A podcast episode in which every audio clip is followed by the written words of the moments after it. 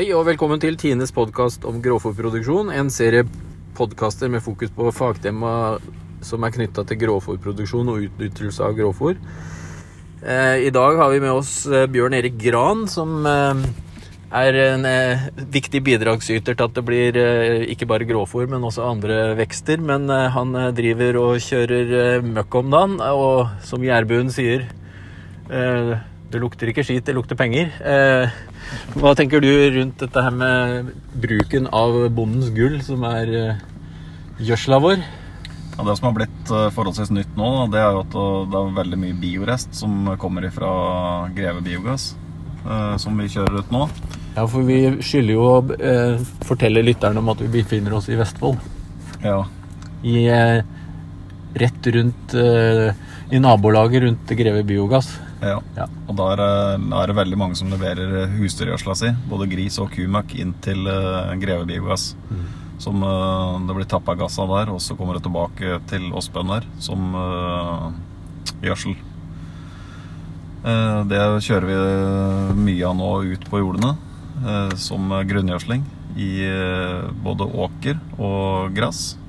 Ja, og så har du spesialisert deg litt på akkurat den her eh, bioresten, sånn som jeg har forstått det. For du har liksom eh, satsa litt på å hjelpe andre eh, kolleger med å få kjørt ut denne gjødsla på en litt rasjonell og Ja, effektiv det- måte. Det Eh, Vi møtte, vi møtte jo en eh, stor eh, bulktank, eller en sånn stor se- semitrailer her med, med Ja, Det som jeg var heldig med, det var at jeg hadde kjøpt det anlegget her, med slangeanlegget, året før Greve Biogass starta.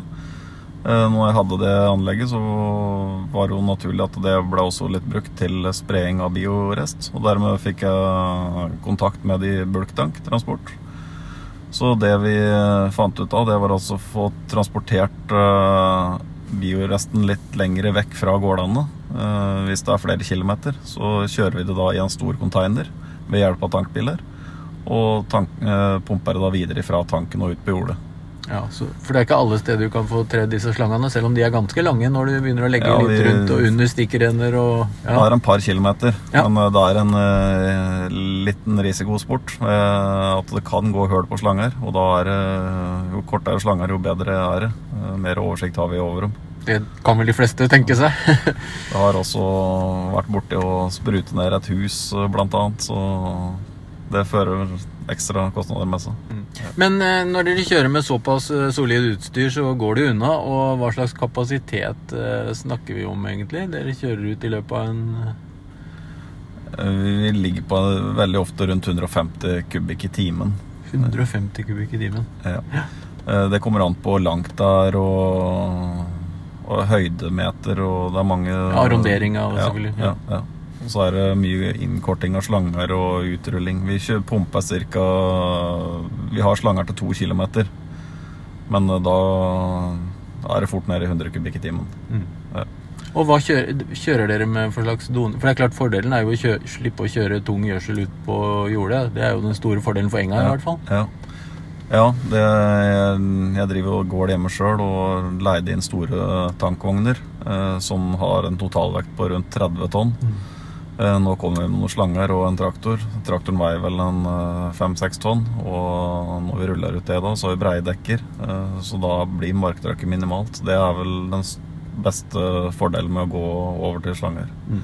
For bondens del, egentlig. Hva slags teknikk bruker dere til å styre denne doningen som tildeler gjødsla på? Har dere noe, noe volumkontroll og sånt? Sånn, Ja, vi har, ja, vi har volumkontroll i, i utleggeren og GPS-styring. Så vi kan, det er noen som har spurt om vi kjører etter faste kjørespor, men det blir jo litt plundrete med dette her sånn når det er 12 meters bom, så jeg ser ikke helt vitsen med det. Men øh, ja, vi har GPS-styring. seksjonskontroll på Nei, vi har ikke, vi har ikke det. Nei. Uh, Men det det, jeg tror det fins på det nyeste anlegget. Men uh, det er klart, når du har et så høyt trøkk som 14-15 bar, og så plutselig slår av deler av anlegget, så blir det stor uh, trykkvariasjon? Ja. Og da kan det gå ut utover ko koblinger og slanger. Men uh, nyere anlegg er sikkert uh, det er fint på. Mm. Hvor mye kjører Ja, her er det jo mye planteproduksjon i dette området, da, men du kjører jo også mye på enga. Da kjører du jo sikkert tidlig Ja, og også høsthvete, som her i Mm. Så er det viktig at du kan komme ut med gjødsla så tidlig, da. Ja, jeg eh, kjører så tidlig som mulig. eh, Lenge før vi kan begynne å kjøre med vogner, i hvert fall. Mm. Så fort det er liv i planten, så prøver vi å være i gang. Mm. Og du er eh, den som styrer eh, pumpene, så her står en traktor sånn. og går på full fise med, ved siden av konteineren eh, rett ved siden av her vi sitter nå. Det har blitt sånn at han yngste han er i slangetraktoren. Han hopper lettere ut og inn når det blir noe lekkasje her. Og, ja, og han er veldig dyktig til å kjøre, så da blir det Og Som sagt, jeg driver gård hjemme, så jeg må stikke litt att og fram. Så han er fast sjåfør. Mm. Han liker det. Ja, Du er bonde, og du kan jo fortelle litt om drifta di hjemme òg, da. Ja, det er øh, Jeg driver med gris, kombinert øh, produksjon. Pluss at jeg har ammekuer. Og korn og frø. Mm. Så vanlig, tradisjonelt. I denne podkasten så er vi jo mest opptatt av grovfòrdyrking. Eh, har du noe hva, hva er dine refleksjoner, strategier i forhold til gråfordyrking Nå er du jo ammekyr, og dette er jo primært for melkeprodusenter, men du, du dyrker jo litt forskjellig fôr du òg, går ut ifra. Eh, forresten, har du Når du sier ammekoproduksjon, så er det jo litt i forhold til hvor mye er ammeku, hvor mye er okseproduksjon, hvor mye er høykvalitets grovfôr, og hvor mye er lavere kvalitet, for å si det sånn. Ja, jeg prøver å, være, prøver å følge de melkebøndene litt på. Eh, Så jeg slår det tidlig og bruker det til voksene. Og ellers så, mm, er det, altså, har jeg mye rar arrondering på jordene mine, så jeg tar det dårligste fôret da, eh, to ganger i året og gir til ammekuene. Men nå er det jo mjølk, nå er det mjølkesesong. Nå er de jo kalva, og nå er det vel full Eller hvordan har du kalvinga? Er du én sesong? Eller Nei, jeg har delt dem i to, To sesonger, ja. så det er eh, høst- og vårkalving. Mm. Så nå går det mot slutten av vårkalvinga. Mm. Jeg har ikke sluppet dem ennå, men eh, det er like før. Så de har vel bra fôr nå? Ja da, nå har de eh, bra fôr. Mm. Men øh, ja, jeg gir litt kraft for å fôre litt med gulrot også. Som, ja. Men hva, hvordan eh, vurderer du den der bioresten sånn som engegjødsling? Veldig ofte så ligger vi på en tre til fire tonn. Mm. Med, og det vil si en åtte kilo en cirka. Ja. Fra husdyrgjødsla, ja. Det er mye. Ja, bioresten. Ja, bioresten, ja. Ja. Mm. Så den har jo en høyere nitrogenvirkning enn vanlig tradisjonell eh, husdyrgjødsel. Ja, etter det de sier, så Ja. har de vel det. Ja. Og mer tilgjengelig for plantene. Og så når du får kjørt den såpass tidlig, så får du utnytta det godt i den tidlige, gode veksten på våren òg, da. Ja. Og så er det lite fordamping når jeg kjører med det utstyret jeg gjør nå. Det legger helt ned til bakken. Og sånn som det har vært fram til nå, så er det jo kaldt, så lite forsvinner i lufta. Optimale forhold, lenger. Ja, det har vært veldig fine forhold nå. Og nå busker det seg fint òg, så. Ja, det er jo kaldt, så da så får vi håpe varmen kommer etter hvert. Så Ja. Og så, men det, jo, det Litt- mest optimale hadde vært å fått litt regn nå etter vi er ferdig å kjøre. mm. Så, men uh, jeg er jo ikke ferdig med våronna ennå, så jeg håper det drøyer en uke til. Det er noen som har drivet og eksperimentert litt grann med å ha i frø i, eh, i sånn gjødselhanterings... eh, Har du vært Ja, borti det, det? Jeg har ikke hevd meg på det, så jeg veit ikke noe om det, egentlig. Er det mange rundt i området her som driver eh, tilsvarende utstyr?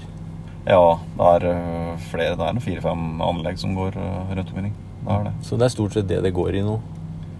Ja, men du har jo også vogner. eh, Ja. Og den, vi kan ikke avskrive, vogn, avskrive vogner helt, for øh, det er, øh, det er mange steder som ikke er skikka for slangespraying. Mm. Det er det. Ja. Men det er klart det er eh, Nå skal vi vel kanskje snakke med han du kjører for akkurat i, i dag, og eh, litt seinere, og da Det er klart det er en veldig eh, real måte å bli kvitt eh, store mengder husdyrgjødsel på med sånn type eh, utstyr og den kapasiteten som dere besitter. Ja, det har blitt en liten revolusjon akkurat på det området her.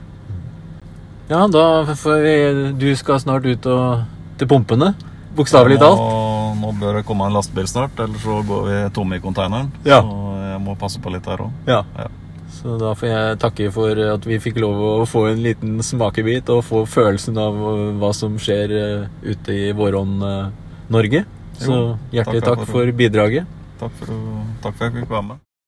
Ja, da har vi forflytta oss eh, fra jordet og inn eh, på gården til eh, Bjørn Viktor Folkvord, som er han som det blir kjørt gjødselos borti nabolaget her. Eh, velkommen til deg, Bjørn Viktor. Takk for det. Ja, Det var hyggelig at du kunne avse litt tid i en eh, travel eh, sesong. Eh, men vi håper at vi kan formidle litt eh, våronaktivitet som flere vil eh, sette pris på å høre om. Så, men eh, nå har vi Ja, du kan jo si litt om den gjødselhåndteringa du òg, for eh, jeg regner med at det er ganske greit for en eh, mjølkebonde som deg eh, å få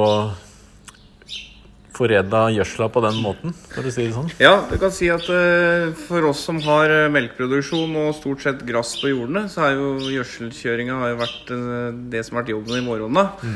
Og det har vært tidkrevende. Og det, vi har ganske mange timer vi må være i fjøset hver dag. Så når vi så dette, når dette slangeutstyropplegget kom inn for fullt, og når vi i tillegg fikk eh, den konteineren som gjorde at vi kan kjøre ut eh, kjapt med lastebil og så spre rett fra konteiner på leid jord, så var det ikke tvil om at man måtte hoppe på den, eh, den biten der. Og det, det fungerer jo kjempebra. Så nå kjører vi ut liksom all gjødsla på bare noen få dager, mens vi fortsatt kan gjøre den jobben som vi må gjøre hjemme på gården.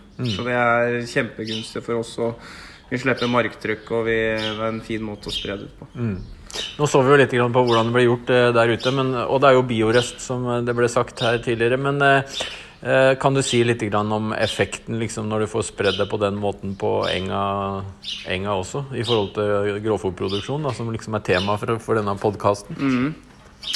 Ja, eh, nei altså Vi har jo veldig tro på det der med at vi eh, ikke skal kjøre med for tungt utstyr for tidlig på våren. Eh, det er forholdsvis tungt det vi kjører på når vi høster gress, men da er det også gjerne mye bedre forhold å kjøre under. Så det å få gjødsla dette tidlig, det tror jeg er viktig for å få gresset i gang tidlig. Så, eh, så i forhold til fordamping og sånn, så har jeg tro på at eh, å spre det gjennom disse slangene og legge det ned på bakken, at det er også mye bedre, naturlig nok, enn det er å spre det ut i lufta, og så lander det på bakken etter hvert. Hvor mye eh, biorest eh, bruker du sånn på enga i forhold til kunstgjødsel? Eh, kilo en type eh, vi kjører jo ut tre mellom tre og fire tonn med biorest, så det er vel en eh, to og en halv kilo en per tonn, da. Så en sju og en halv kilo pluss eh, med, gjennom bioresten, og så etter eh, tar vi Eller eh, vi kjører litt kunstgjødsel først, så den mengda som vi da For å fylle opp alt sammen, den har vi kjørt eh, tidlig på våren gjerne, for å så liksom få det i gang, og så kommer bioresten da fortløpende. Og så har den en mer langtidsvirkning, ser vi. Så det er, det er greit å, Vi har erfart i hvert at det er greit å ha på litt kunstgjødsel. Tre-fire kilo enn kanskje. Og så, og så bare for å liksom få det i gang. Og så lar vi den bioresten ligge og kose seg. Eh, I dag er det en lav temperatur. Det er litt sol og sånn. Det skulle vært litt mer overskyet sånn ideelt sett, men eh, vi er heldige med å kunne kjøre så tørre, fine forhold og så i så kjølig temperatur. Så da, da er det veldig lite som fordamper vekk. Kjører du noe gjennom hele sesongen, eller er det mest nå på, første, på våren? Vi kjører mest på våren, Ja. og så kjører vi holdt på å si resten eh, etter første slåtten. Mm. Og så blir det bare en liten supplering på de siste slåttene da med kunstgjødsel. Så vi, nei, vi prøver å få ut mest eh, Nesten to tredjedeler av mengden kjører vi ut om våren nå, for da prøver vi å komme over alle skiftene. Da vil jeg eh, takke Bjørn Viktor Folkvår for veldig gode betraktninger rundt gjødsling og gjødselhåndtering, og samtidig eh, invitere lytterne til et eh, lite gjensyn med Bjørn Viktor i forbindelse med at han har gått til anskaffelse av et kinderegg av en maskin for, for det meste, egentlig. Både slådding og såing og vedlikeholdssåing av eng. Så følg med, og få med dere den også. Música